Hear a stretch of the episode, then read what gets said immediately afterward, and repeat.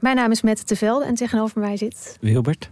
En ik heb vrij veel last gehad van neerslachtigheid, eigenlijk nog steeds wel in het leven. En depressies. En volgens mij gaan we dat proberen op te lossen. We gaan jou redden. En de rest van de mensen. En de toch? rest van de mensen. Ja. Wie redt Wilbert? Dat is de vraag. Wie helpt hem bij de kwesties en problemen van vandaag? Luister naar Wie redt Wilbert en de rest van de mensheid. Een podcast van de VPRO voor NPO Luister. De nieuwe Nederlandse musical Onze Jordaan van Diederik Ebbingen is dit najaar in de theaters te zien. Koop nu uw kaarten op onzejordaan.nl. Leuk toch? Hallo, dit is de wekelijkse podcast van de Groene Amsterdammer. En ik ben Kees van der Bos.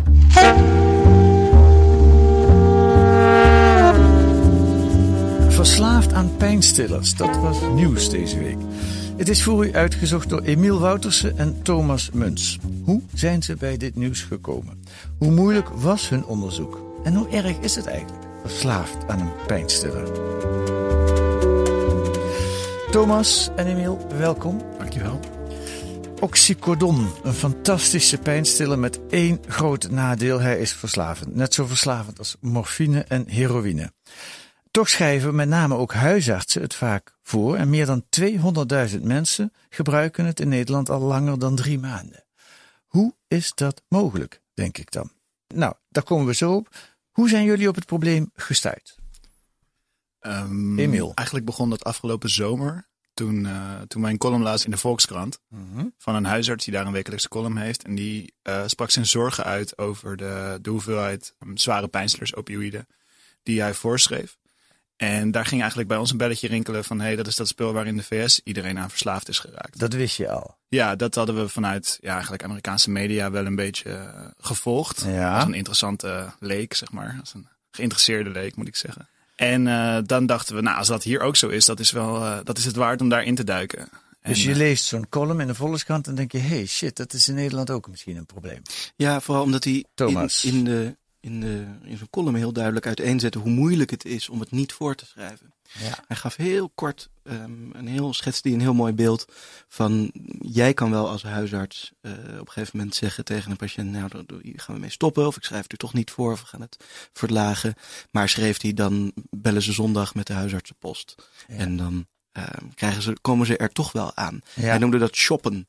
Ja. Ehm, het was, en dat was eigenlijk een van de eerste dingen die we ook zijn gaan uitzoeken. We zijn met eh, collega's van ons die eh, al onderzoek hadden gedaan ehm, bij ziekenhuizen. Die kennen een aantal eerste hulpartsen. En die hebben ze gebeld om te vragen van, eh, ke- kent u het shopgedrag? Ja, Ehm, dat iemand naar een, naar een SCH komt, naar een spoedeisende hulp komt en, en pijn faked. ja. ehm, op zoek naar een opiaat. Oh, dat, zo erg is het. Pijn faked op zoek naar een Ja. opiaat. Nou ja, en dat is de definitie van shoppen. Maar daar kom je gelijk op een hele, dat is een hele goede vraag die je stelt.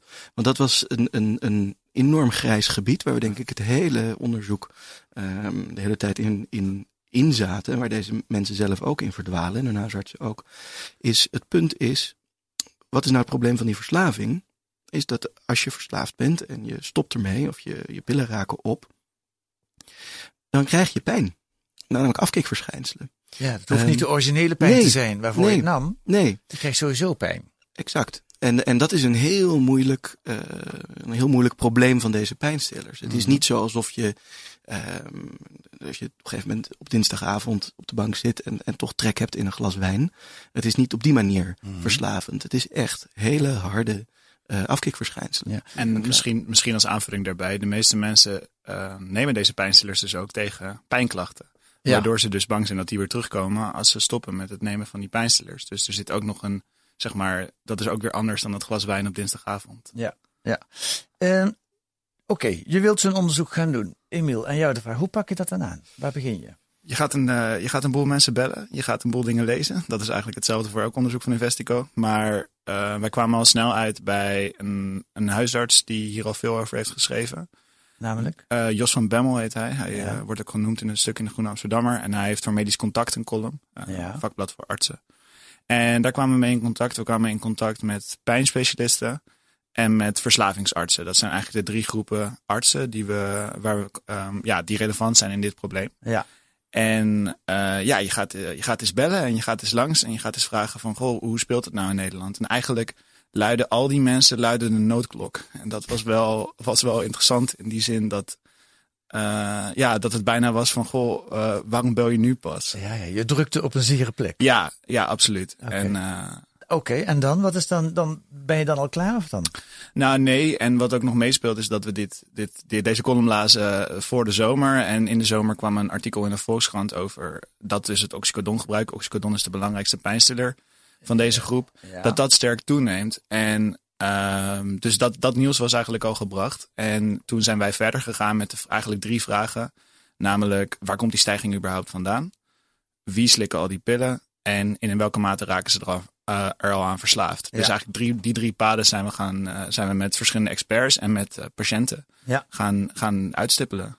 Maar als ik het goed heb, Thomas, nu ga ik naar jou. Is het allernieuwste van jullie onderzoek, of het resultaat van jullie onderzoek, Mhm. het aantal? Ja.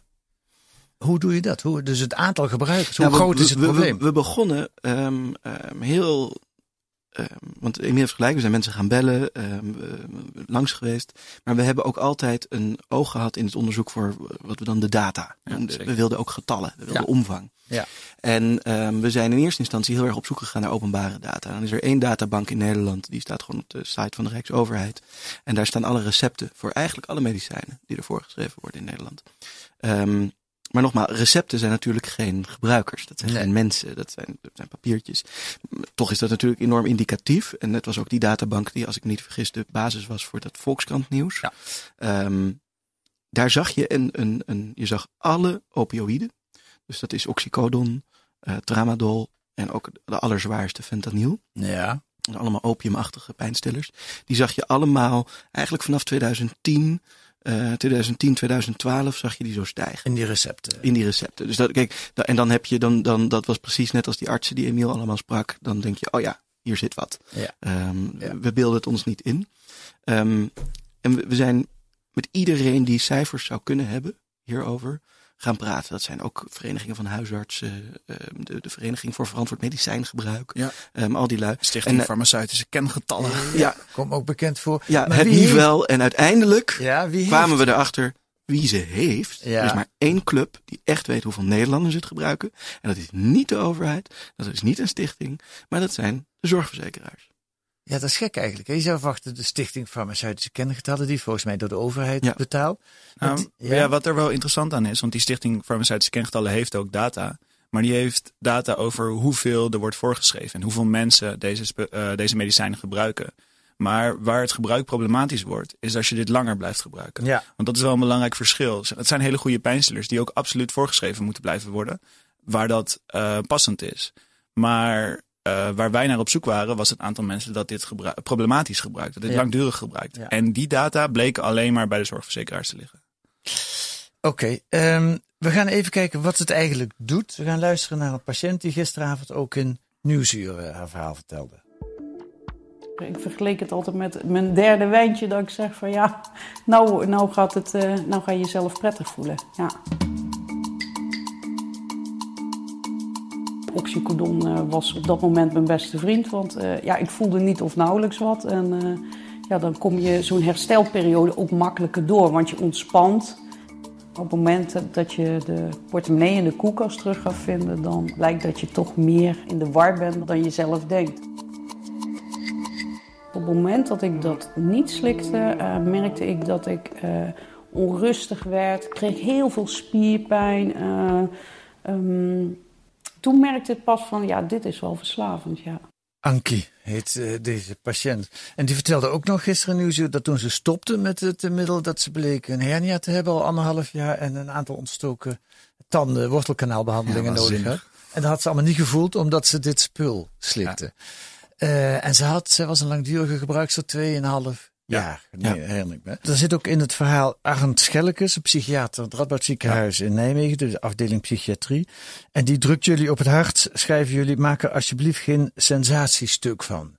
Uh, waarom deed ze dat? Of deed hij dat? Nou ja, en dan kom je bij een van de belangrijkste oorzaken ook eigenlijk gelijk van dat voorschrijven van al die uh, pijnstillers, is die worden voorgeschreven omdat artsen het gevoel hebben dat ze te weinig tijd hebben om, om stil te staan bij iemands chronische pijnklachten. Die worden voorgeschreven omdat artsen evident niet een overzicht hebben van wat nou eigenlijk de gevolgen zijn van die oxycodon. Oftewel, er zit, er zit een zekere mate van onkunde en een zekere mate van ook taboe wat meneer Schellekens ook um, aanwijst. Um, en zekere huivering. En die huivering en, en, die onkunde, die kan net zo snel omslaan in um, dat je het helemaal niet meer voor gaat schrijven. En dat is niet de bedoeling. En dat is absoluut niet de bedoeling. We, zijn, we hebben ook iemand gesproken die heeft chronische alvleesklierontsteking. Dat is eigenlijk een soort van auto-immuunziekte. En die, zegt, die zei ook in, in gesprek met mij, zei ze, maar, maar ik wil me niet moeten verantwoorden straks. Want ik kan leven dankzij die pillen. Anders lig ik dubbel geslagen op bed de hele dag van de stervenspijn. En met die oxycodon kan ik een leven leiden. Kan ze zelfs werken, kan ze, uh, kan ze uh, echt een, een, menswaardig bestaan leiden. ondanks dat het een langdurige gebruiker is, ja. kan dat dan toch? Er zijn natuurlijk altijd allerlei grensgevallen. Ja. En het hele punt van het artikel, en het hele punt van de, van de, van de problematiek, is dat je uh, dat we de medische sector zo moeten inrichten, of dat de medische sector die ruimte moet krijgen om al dit soort ingewikkelde gevallen ook op een ingewikkelde manier te behandelen. Mm -hmm. En niet met een hele simpele, zware pijnstiller. En ook niet door nooit pijnstillers voor te schrijven. Nee. Dus we, we zitten steeds dat we de extreme willen vermijden. Ik ja. denk dat dat het allerbelangrijkste is in deze toestand. En Kijk. ik denk als, als aanvulling daarop, we spreken in het stuk ook met uh, voorzitter van de Nederlandse Orthopedische Vereniging. Die vertelt dat uh, orthopeden steeds meer um, oxycodon en opioïden in het algemeen zijn gaan voorschrijven. En hij noemt dat daar een kwestie van klantvriendelijkheid. Ja. Want dat is dus een standaard recept geworden wat iedereen ja. krijgt. En wat, uh, wat gewoon na je operatie in je rugzakje mee naar huis gaat. Ja. En ik denk dat dat precies is wat zou moeten veranderen. Maar dat moet dus niet betekenen dat mensen die dit spul nodig hebben. Dat de, bijvoorbeeld terminale kankerpatiënten, daar, is dit, daar zijn deze opiaten een enorme uitkomst voor. En die, ja. zouden, die moeten dit, dit absoluut voorgeschreven krijgen. En dat is ook waarom meneer Schellekens dat bij ons benadrukte. Ach, weet je, er is ook eigenlijk helemaal geen probleem met deze middelen als we luisteren naar de, de fabrikant die ze op de markt heeft gebracht. There's no question that our best, strongest pain medicines are the opioids, but these are the same drugs that have a reputation for causing addiction and other terrible things. Now, in fact, the rate of addiction amongst pain patients who are treated by doctors is much less than 1%. They don't wear out, they go on working. They do not have serious medical side effects. And so these drugs, which I repeat are our best, strongest pain medications, should be used much more than they are for patients in pain. Ze zijn niet verslavend, ze moeten veel vaker gebruikt worden, zeggen wij van WC Eend. In de Verenigde Staten is een agressieve marketingcampagne gevoerd. Maar nu komt het gekke.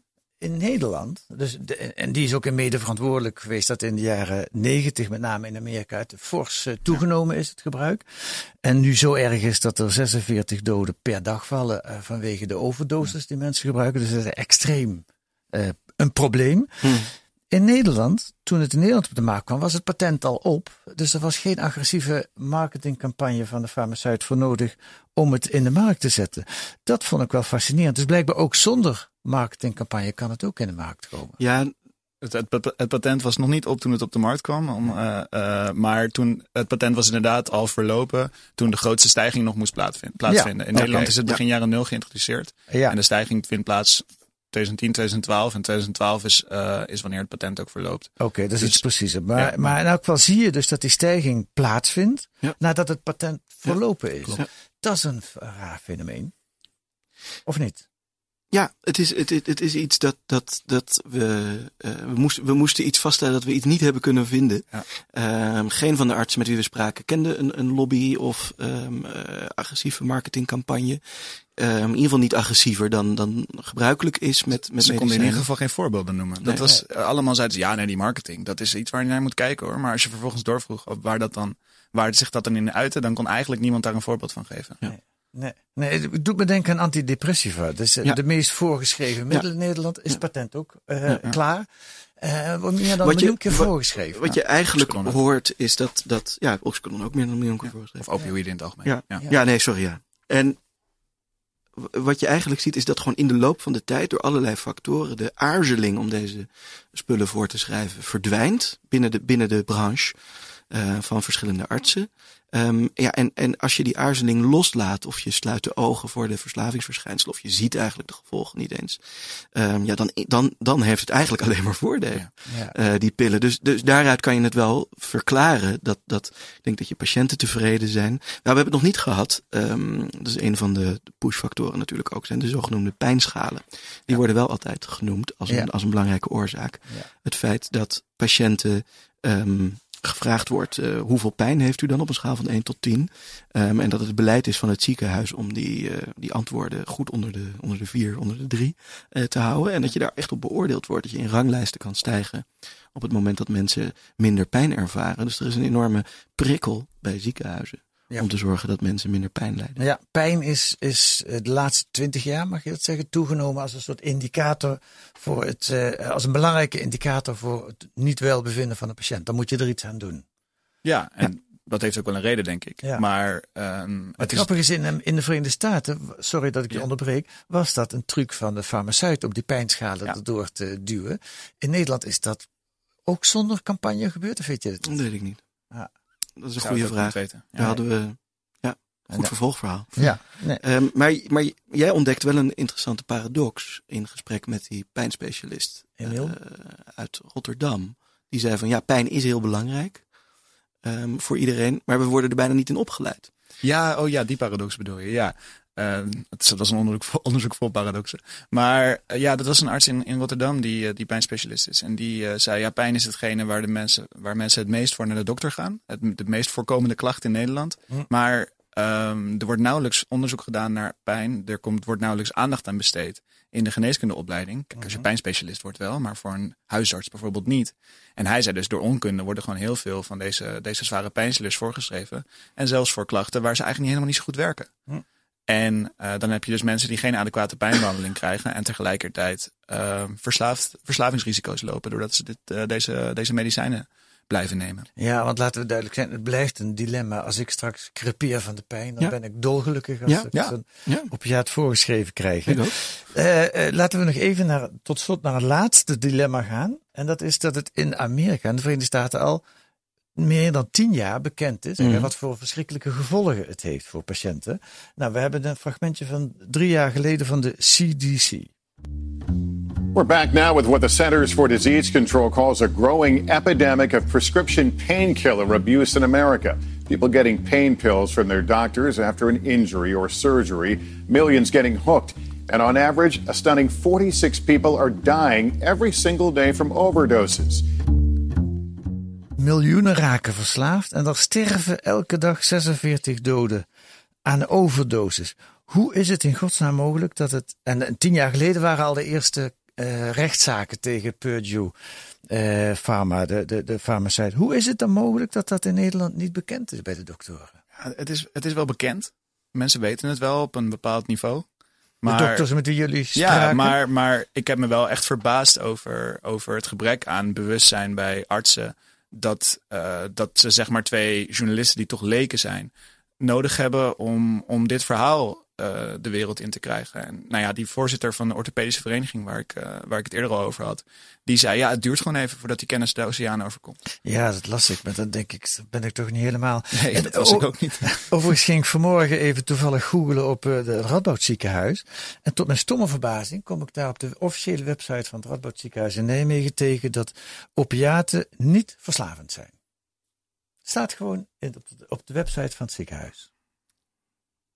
Ja, zie jullie verbaasd. Ja, ik heb, ik heb wel iets gevonden op de site van het Erasmus MC uh, met, van een ziekenhuisapotheker die ook de, de, de, de verslavingsrisico's bagatelliseerde. Ja. Um, ik ben erg benieuwd naar waar je dit hebt gevonden. Ik heb een aantal artsen binnen het Radboud gesproken die zich in ieder geval wel bewust zijn van de verslavingsrisico's. ja. Maar um, uh, ja, nou ja, kijk, het feit dat dat op een website van een ziekenhuis kan staan is, uh, is een, als dat zo is, is dat een, een godspe. Ja. Dat kan echt niet. Ja, maar hoe hebben jullie verklaring voor die paradox? Dus het is toch, het is algemeen bekend. Engels is de voertaal op de universiteiten. Het staat een, er is publiciteit over in de media. Er is in de medische tijdschriften ongetwijfeld over gepubliceerd. En toch groeit het zo enorm in Nederland. Nou ja, dan, dan kom ik eigenlijk weer terug op die um, verhalen van huisartsen. De columnist was er één, meneer Van Bemmel uh, was er ook nog één. Um, het, het, het probleem is dat als jouw collega's artsen, collega-huisartsen het voorschrijven, dat het heel moeilijk is om achter te blijven. Dat is iets wat je, wat je eigenlijk hoort. Um, um, dat, dat, ik denk dat dat voor, voor, de, voor de individuele arts, um, zeg maar op het niveau van de, van de afwegingen die hij maakt, dat dat de drempel is uh, waar je vrij makkelijk overheen gaat dan. En, en, en wat wel belangrijk is om te beseffen, is dat als je eenmaal een recept hebt voorgeschreven gekregen, dat je dan gewoon herhaalrecepten kan blijven krijgen. En dat dat een hele efficiënt draaiende molen is. Ja, dat vond ik um, vrij schokkend. Je, ja, ja. Ja, vond, ja, dat was ook verbazend voor ons. Dat is een belangrijke oorzaak. Ja. Dus het is, kijk, de, de, de drempel om het in eerste instantie voor te schrijven wordt steeds lager. Ja. Maar je moet je voorstellen als je er dan eenmaal overheen bent, dat je er dan ook heel moeilijk um, uh, weer uitgetrokken wordt. En dat is uh, bijvoorbeeld dokter Schellekens uit het Radboud uh, MC, die, die, die verslavingsarts is, die zegt van, we moeten er naartoe dat we nooit meer zulke pillen voorschrijven zonder een afbouwschema. Dus zodra je van je dokter je strip pillen krijgt, zit daar ook een afbouwschema en een afspraak over een afbouwschema bij. En er zijn, laten we wel wezen, er zijn artsen uh, die dat ook heel erg goed doen. We openen het verhaal in de Groene Amsterdammer met het verhaal van um, een, mevrouw Michelle uit Zoetermeer. En die, um, die heeft MS, die had ontzettende pijn. En die arts die, die, die zei, ja, we gaan het proberen. Met oxycodon dan maar. Maar hou contact die, had, die heeft heel indringend met haar gesproken over um, wat risico's zijn en wat ze dan moet doen. En uiteindelijk kwam ze in die verslaving terecht al heel snel. Ze realiseerde zich dat. En ze belde met die arts. En als ik me goed herinner uh, hoe ze het mij vertelde, belde ze naar die arts. En die arts zei: Volgens mij weet ik waarover je belt. die, die had het al. En die, die, de apotheek had ook heel netjes al met drie mensen overlegd voordat ze die pillen kregen. En dan, en dan zit je in, dus in een heel goed, um, een heel goed behandel plan eigenlijk. Waarin je wel kijkt of het iets doet tegen de pijn. En wanneer als je het moment dat je de verslavende verschijnselen bij jezelf bemerkt, dat er ook genoeg um, hulpboeien zijn om aan te. Oké, dus soms gebeurt het op een goede manier, maar het raadsel maar, blijft toch... Nou ja, ik heb misschien nog, nog als aanvulling daarop. Tot slot. Ja, tot slot. Wat, wat um, die orthopeet mij ook vertelde, die zei uh, ja, wij zien die verslaafden, die zien wij ook niet. Die zien we niet in onze spreekkamers. Het is geen, het is geen onderwerp in onze spreekkamers. Nee, nee, dan ben je weer bij een andere dokter. Ja, ja. die komt bij de verslavingsarts terecht. Ja. En, ja. en dan wordt het inderdaad, dan wordt dus de drempel om het voor te schrijven, wordt wel heel laag. Ja, maar het blijft toch een beetje raar dat jullie schrijven nu zo'n verhaal. Ik zou toch als orthopeet dat wel willen weten, wat ik met patiënten voorschrijf, wat dat voor gevolgen heeft. Ja, dat was ook mijn uh, gedachte. Ja. Maar tegelijk, tegelijkertijd is er nu wat, wat ik we werkten voor dit onderzoek ook samen met Nieuwsuur. Um, de bereidheid die vrijwel iedereen had om voor camera te verschijnen. Ja. En zijn verhaal te doen. Dat heb ik niet eerder meegemaakt eigenlijk. Zeker niet met een taboe onderwerp als verslaving. Um, dat, dat uh, zowel ex-verslaafden als, als artsen um, ook best wel buiten uitspraken doen voor de camera uh, van Nieuwsuur. Dus dat was heel uh, goed om te zien. Thomas Muns en Emiel Woutersen van Platform Investico. En laten we nog even duidelijk zeggen, een productie, het staat geschreven in De Groene en het was gisteravond te zien bij Nieuwsuur. Zit er nog een vervolgonderzoek in eigenlijk? Nou, er komen nu allerlei reacties binnen. Uh, voornamelijk langs de twee lijnen die we net schetsten. Dus een hele grote groep mensen die uh, vertelt dat het inderdaad rommel is. Een mevrouw die vertelde dat ze na de uitzending, geloof ik... De, ja, al had de oxycodon het weggegooid. Al de oxycodon het weggegooid. Wat weer gevaarlijk is. En, nou ja, ik hoop dat ze niet meer gebruikt inderdaad. Ja, Um, en, een, um, en ook mensen die natuurlijk zeggen van nou, het helpt me wel heel erg. Tegelijkertijd zit er in de data die we hebben gekregen van de zorgverzekeraars... zitten nog een aantal hele interessante zeker. haken en ogen. Vooral over de, welke populaties uh, die pillen veel gebruiken en welke, welke minder, welke regio's. En we, we, um, we, zijn, we zijn zeer geïnteresseerd geraakt in verslavingsproblematiek. Mm. En eigenlijk hoe instituties daarmee omgaan. Dus uh, bent u verslaafd of kent u iemand die verslaafd is? Dan uh, kunt u altijd contact opnemen um, met ons ja. via www.platform-investico.nl. Daar vindt u onze contactgegevens, maar dat kan ook via de Groene. Het kan ook via de Groene. Dan zorgen wij wel dat het weer bij jullie terechtkomt. Emiel Wouters, Thomas Muns, dankjewel voor dit gesprek. Elke week krijgt u analyses en achtergronden bij het nieuws in deze podcast van De Groene Amsterdammer. Lees deze week in De Groene ook de reportage van Kisa Magendani over Afrikaanse vluchtelingen in Rome. En de analyse van Amerika-correspondent Casper Thomas over de gevolgen van het Mueller-rapport. Wilt u een proefabonnement op De Groene? Ga dan naar groene.nl slash mooiaanbod. U ontvangt ons blad dan 10 weken voor 15 euro. Ga naar groene.nl. En volgende week zijn wij er weer. Deze week werd de Groene Podcast gemaakt door Jesse Riemersma en Kees van Bos. De muziek is A Tune for N van Paul van.